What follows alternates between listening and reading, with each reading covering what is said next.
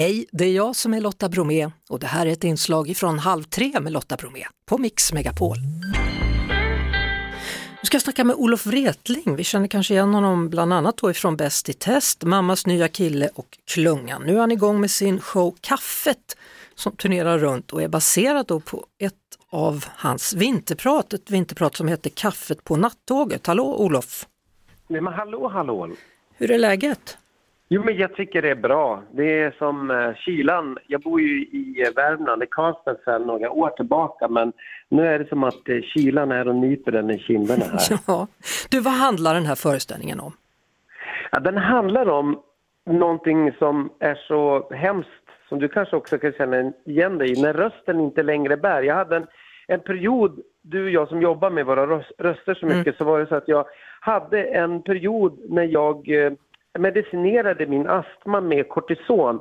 Och eh, vi spelade med klungan kväll efter kväll och en kväll så hände det som jag var kanske bland de mest läskiga jag varit med om. Det var att jag tappade rösten på scenen och sen försvann den i flera veckor. Och det visade sig att det var på grund av att jag medicinerade min astma med kortison. Eh, och då hamnade jag på ett natt... Då, det visste jag inte då, så att jag hamnade på ett nattåg för jag tog tåget ner till en logoped och en läkare i Stockholm.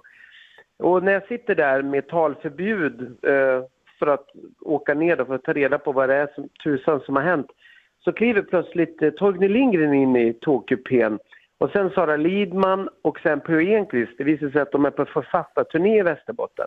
Så där sitter jag med mina tre största idoler med, med felmedicinerad astma. Och det är dessutom en nattkupé så ni ska tillbringa en natt ihop här.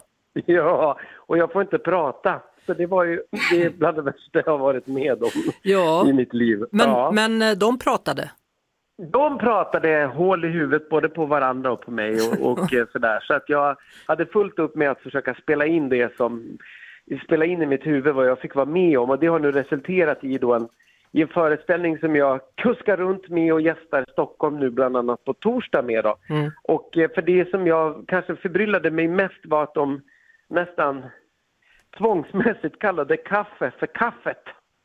Ehm, ja, och det var liksom viktigt för dem att man skulle säga kaffet hela tiden och det tyckte jag var väldigt egendomligt och väldigt spännande. Och vi började prata även om dialekten och, och, och ord och sådär. Men man, man kan, det, om, du, om, du, ska säga så här, nu ska jag ha en kopp kaffe, då kan du inte säga nu ska jag ha en kopp kaffet. Ja, eller hur? Nej. Ja, exakt. Ja. Det där är ju, du, du hörde ju vad man har. Och sitter man då i en tågkupé så är det bland det mest intressanta man kan prata om. Ja du. Ja, ja, språket kaffet. är spännande du. Och det är ju faktiskt så att det, nu, du, det är så att alltså, om du åker upp till Umeå och mm. så går du och köper en liter mjölk. Då står det ju mjölken på mjölkpaketet. Jaha, så det är mm. dialektalt det här alltså? Ja, så det, man säger ju mjölken. Kan jag få mjölken? Ja. Jag ska hava det i kaffet. Jaha. Ja. Då blir det ju rätt om man ska prata på det viset. Ja, ja. I, bestämd, i bestämd ska, form. Nu ska du hava en bra turné säger jag. Ja, men du, ja. tackart, tackart. Tackart, då säger vi så Olof Wretling. Du sitt om dig, tack för ja. att jag fick vara med. Och god julet också du. Ja, god jul på det. Det var det. Vi hörs såklart igen på Mix Megapol varje eftermiddag vid halv tre. Ett poddtips från Podplay.